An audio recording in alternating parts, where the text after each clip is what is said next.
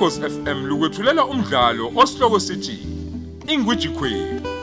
Esubhalelwe usibusiso samajobe sithole.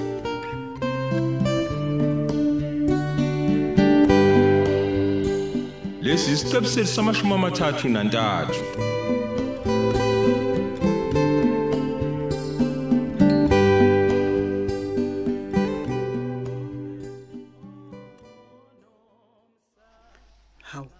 ndodana. Kade nje ngikufuna bese ngithi usungidukele. Ewu. Nami uyazi ngiqalaza wena ma. Kodwa ke sengingadedela wena njengomuntu omdala. Ngizwe ukuthi umama uthini. Eh, cha khehla lami ukuthi nje kunomuntu ongifanela naye la. Manje kodwa nje kade ngicabanga ukuthi hayi ngabe ubani? Hayi angimtholi kodwa. Kungenzeka nje ukuthi ukhuluma nawe mhlawumbe kuzongisiza. Hayi ngiyezwa. Kodwa ma. phela abantu bakaThixo nje ngenzeka ukuthi bayafana. Akusikhona ukuthi ngiyakwazi ngempela. Awu, kodwa ke koze kwaqondana bu. Ngoba nokwami kuthi akube njalo impela. Okwehlukile nje ukuthi ngiyazi mina ukuthi ungikhumbuza umama ongizalayo. Hayibo. Ku- Kungenzeka ke kodwa phela nakhona mhlambe kwenziwa inkumbulo nje. Hawu ncese ncese khehla lami. Kanti ukuphi yena? Awu hayi akasekho emhlabeni. Wangishiya nje ngisemncane kakhulu. Ah, shame kwakubi ke bandla. Hayi Hawu, ungakhathazeki. Kwakubani yena igama lakhe? Kwakuwuthanda ikheswa. Eshadele kaZulu isibongo endaweni yakwaNongoma. Hawu. Kahle bo. Kuphi kubo? Awu kodwa ba ngabe uyamazini kubo kusethekwini eningizimu yetheku. Ah, ka- kambe kuphi madoda? E- e- Etoti, etoti ya. Hayibo. Ngiyathemba ukuthi khona indawo enjalo. Angithi Hayibo, hayibo. Abantu bakwaKhesu uyabazi wena. awu lutho ma. Ngangisemncane kakhulu nje kushona abazali bami. Angibonanga kwamgcwabo lowo. Ngicabanga ukuthi kwenziwa ukuthi ngangisemncane nginesiqiniseko ukuthi babe khona. Ubaba wakho a- akusiyena nje unsizwa Zulu Hayibo. o- owaba sengozini yemoto ehamba nomndeni wakhe. Kwashona yena nomkakhe. Hayibo ma. Kodwa kuthiwa yasinda ingane yabo. Hayibo, wazi abazali bami. Ka- ka- Kanti wena ma ubani? Leyo ngane yasinda phela imina loyo. Hawu, hawu, hawu. Ingane kaThandi inkosi yami. Ma, Uyazi uma wakho yo. udadewethu omncane. Hawu. Hayibo. Sazalelwe embumbulu. Kodwa ke sabe sesithuthele emanzi imtoti njengobusho nje. Mina ke ngase ngishadela kwaSikhosana eMkhomazi endaweni yakamkhunya. Yo. Kodwa ke umuzi wami useThekwini eChesterville. Kulapho ke ngangihlala khona noThandi. Waseke hlangana nobaba wakho. Hayibo. Awu, awu, awu mntanami. Hayibo. Sondela uxhawule kumamkhulu khehla. Awu. ngempela Awu. indaba ezimnandi phela lezo hayibo ngaze ngajabula ukwazi ma pho- pho pho manje la ekhaya u- ubekwa yini Hayi la ekhaya kusebukhosini bami. Indodakazi yami yesibili ishadile la ekhaya. hey madoda Ya, ake siye khona khona nizokwazana mntana. hayibo Wena wazibani la ekhaya? isimangake lesi Awu woza ngilandele khehla, woza. A- asahambe ma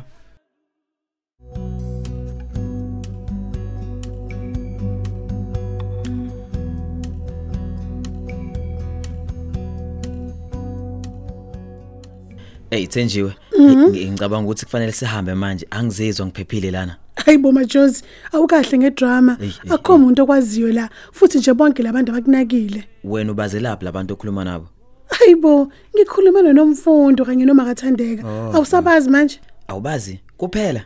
Oh. Lo mfana ke ujwayele ukufika ezosikhandela amanzi lapha esalon. Oh. Uthe ujwayelene nothandeka futhi ingakhe Okay. la. Uyazi ucela ukuthi simuphe lift. I hope you don't mind. Hayibo mana sithando, ubefike kanjani? Hayibo, mengizombuza kanjani yonke mina leyo nto phumelela. Hayi cha kulungile, sizohamba naye. Okay, ngiyambongela. Ngisakovalelisa kuthandeka bese Oh. sihamba ke. Alright babe.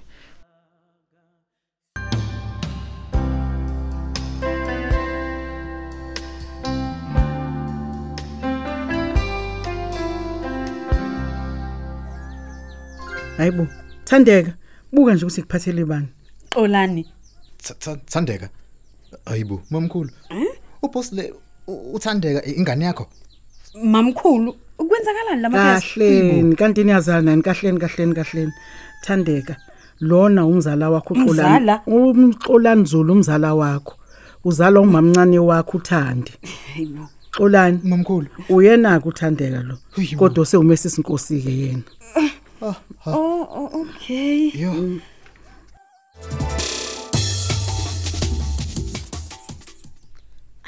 Ngoba phela kusobala ukuthi niyazana. Nazana ngayiphi indlela? Hayi cha umbuzo omuhle lo womfundo. Ake nichaze ngempela.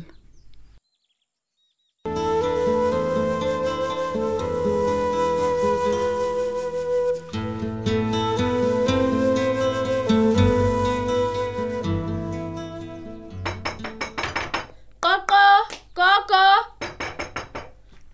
Gogo, khona umuntu o- o- othi uze kunina. Ngimlindise ngapha endlini enkulu. Hawu. Umuntu ophuma phi lo nomfundo? kungenzeka ukuba ummeli wethu lo ndlovukazi bengithe akafike lapha ekhaya Oh hayi, kulungile ke mzukulu siyeza. Ungabe umthelela nje into ephuzwayo. Hawu. Sokhaya. Kungani ubiza ummeli? ingoba ngifuna isibe nomhlangano wethu thina sobathathu ingakho ngimbizile Hayi, ngizokwengizwe. Kulungile ka siye kuyena baba, singamlindisi umntana abantu. Sivele nesikhathi asisekho.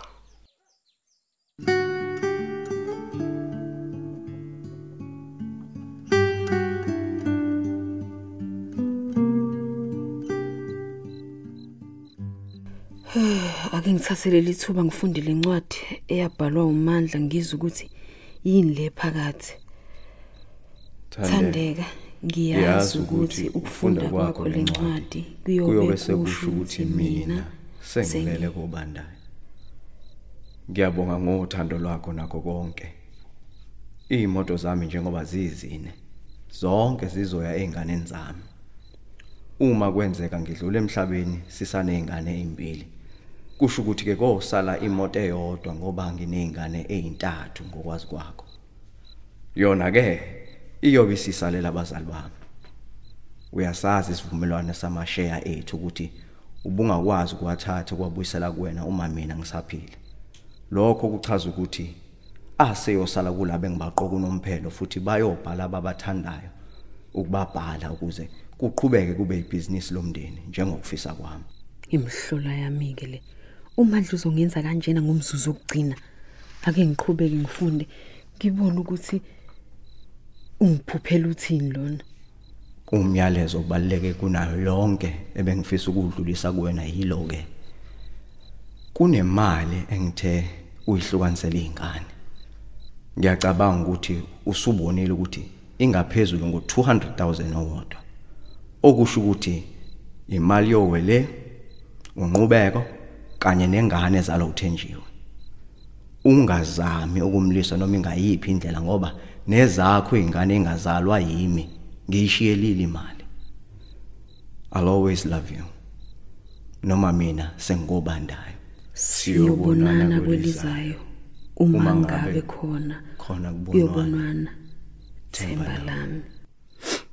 hey wazwa ukukhohlakala umandla nothenjiwe. Kanti lento yabo bayiqala nini?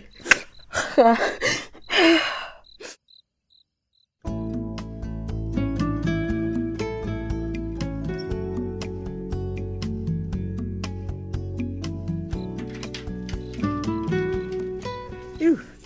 Kade ngagcina kwami engilibele ukuhlala kwaNkosi. Hayi, ikhona ke la kuhlala khona umamkhulu wakho ndodana. hayi ngiyabona manje mamkhulu uhlala wedwa nje la Hayi phela khehla lami ngaba nezingane ezimbili nje kuphela empilweni yami. Eh la kwaSikhosana. yebo Kukhona nje endala kunothandeka. Hayi, wayengihlupha umntanami. Futhi uma ngicabanga ngaye inhliziyo yami ivese ishone phansi. awu mamkhulu Watholakala ke dutshuliwe emevili. Nakhona esihamba isonto lonke singamazi la ekhaya. yo kwabhlungu ukuzwa lokho ngiyaxolisa kakhulu Hayi kulungile khehla. Kwashada kuthandeka. Ngase ngidlalela ngedwa nje ngoba nosikhosane wangishiya. awu awubukeki ungahlala wedwa kodwa mamkhulu noma mhlawumbe ufika ngezikhathi ezithize ubaba Ubaba wabanike loyo mntana. umkhwenyana Ithini lengane bantu? Awu, ngibe ngithi ngifunani nje ngoba uthande kungenzela konke umntanami. Hayi. Wathi nje ngiye kumsebenzi ngihlale phansi, ngade izingane zakhe. Zakhula ke nazo. Manje ngihleli nje ngedwa. Ngiyaziphuzela futhi ngigugele ke nje bandla. Hayi no, ngiyezwa mamkhulu. Eh, cha nami sekuzomela ngibuye ngikushiye kukude emlazi uma ngilana. Awu awufana. Usuyahamba njalo. Ah kumele. Bengithi mamkhulu. nginohamba kusasa. Bengisafuna ukuphekela nje sidle isidlo sakusihla sobabili. Awu. Futhi kumele ubuye ngempela uzohlala nami manje ndodana. Hawu. Ingane yami bantu. Hawu. No ngiyakuzwa mamkhulu. Kulungile ngingahlala ngoba vele nami ngisafuna nje ukuthi sixoxe sazane kangcono. Hawu, mamkhulu wami uthi mina lo.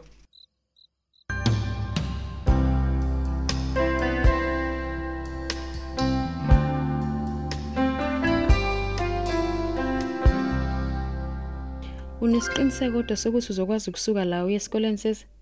Ngizokwazi ma angithi phela ukwabushiyela inkosazana yakhe imoto. Okay. Ngizokwazi ke ngoba futhi angeke ngikwazi ukushiya uhlelo wedwa. Ah, ngiyabonga sisi. Ngizozama nokufonela umseshi wecala lika dadweni ngoba hayi, mm, mm. ingiphethe kabhlungu indaba yakhe. Umbono omuhle ke lowo. Kodwa uma usuzizwa phela ukuthi kulungele ukubhekana nalokho. Uma ukuthi mhlambe khona udinga ukuthi ngikusize ngakho njengokuthi ngikuhambise noma uma ukuthi udinga ukuthi aze la ngibe khona uzongazisa ngithi. Ah sisi. Usukhulile impela nomfundo yazi. Sengingathembela nje kuwena.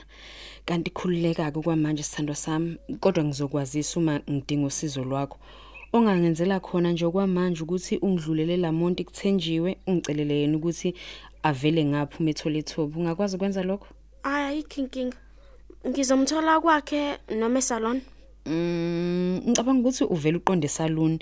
Kungenzeka umfice khona ngoba kuvula yena. Hayi kulungileke TDK ngizokubona ntambama. Bye babe.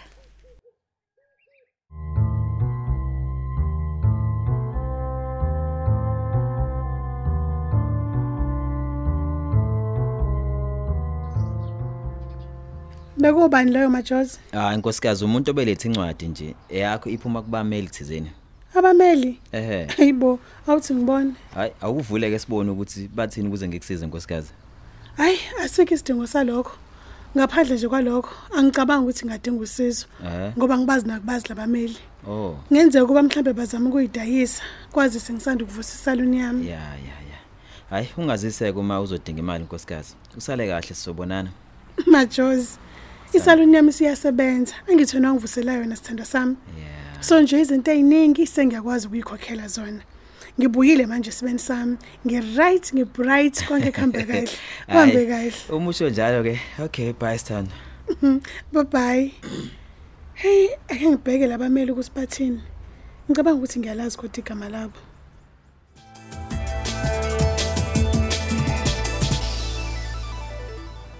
Kunencwadi lapha phakathi. Ake ngiyifunde. Diye Thenjiwe. Ngiyathemba lencwadi kuthola usesimene esihle. Uma kwenzeka uthola imibuzo ethile evela kuthandeka, umazisi ukuthi wazi konke. Ngiyathemba ukuthi lencwadi ifike ngesikhathi.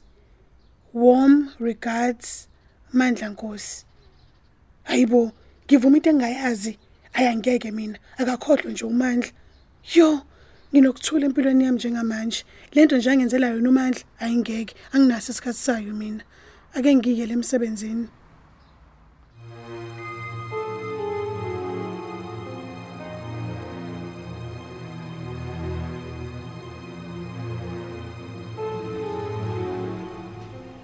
Khehla lami uyaphila kodwa. Ngiyaphi? Aw, mamkhulu, ngiya- ngiyaphila wena unjani? Hayi ngiyaphila ngani yami. Hawu madod. Ngithe nje angiqale ngapha ngizokubona la usebenza khona. Awu ngaphambi kokuba ngiye kuthandeka. Hey, kusho ukuthi umlazi u- usuyawazi ke. Ngoba phela ngakuchazela ngok- ngokunganaki ngaleli garage kodwa nakho litholile. Oh, Ngani yami ngimdala kabi mina netheku. Hawu. Angithi uzofika namhlanje ekhaya. Eh, eish. Empeleni bengithi ngizofika ngempela sonto. Hayi cha ngiyakutshela ke ngithi fika. Awu mamkhulu. Ngizokunika imoto lozoza ngayo la emsebenzini. Ngoba vele phela ukuhamba kwesikhathi kuzomela ukuthi sizohlala nawe. Anginangane mina engahlala imqashweni ngikhona. Ah, hayi umusho kanjalo ke hayi. Kulungile ngizofika. Nazo-ke. Ngisakuthandeka ke ngizokubona ntambama. Usale kahle mfana wami. Ah ngiyabonga kakhulu mamkhulu. Ngicela ungikhonzele nakuyena osisithandeka. Hayi ngizokukhonzela khehla lami. kodwa phela kuzomela nawe ukuthi umbone uma uthola isikhathi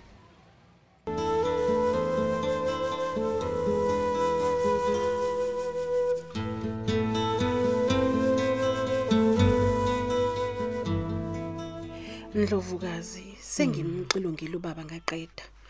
Ngokwami ukubona bengizocela ukuthi kusasa ngimlande isimo sesibhedlela. Noma ngenaso isiqiniseko sokuba bazomlalisa yini kodwa mina ngizohlela ukuthi abonane nodokotela. Eh uyazi uyangithusa magasa. Ngabe khona ungahambi yini kahle? Vele isimo semphazima asihambi kahle indlovukali. Eh kunjalo. Ah sikufihli lokho. Ngenzela ukuthi athole ukwelashwa okunzulu esibhedlela. Ngiyakuzwa makoti. Kulungile ngizovuka ke silungise bese silindela wena. Angazi ukuthi uzokwenza njani njengoba u- kumele wazisa abantu ngokudunguzela kwenkosi. Utshela ubongana ngibona uma ephuma emsebenzini. Uyena uzobona ukuthi ulisingatha kanjani lo daba. Njengomkhulumeli wenkosi. Hayi. Ngiyakuzwa Ndlovukazi, ngizomazisa. Ngizovela ngidlule kuyena la ecekeze esikoleni. Kulungile makoti.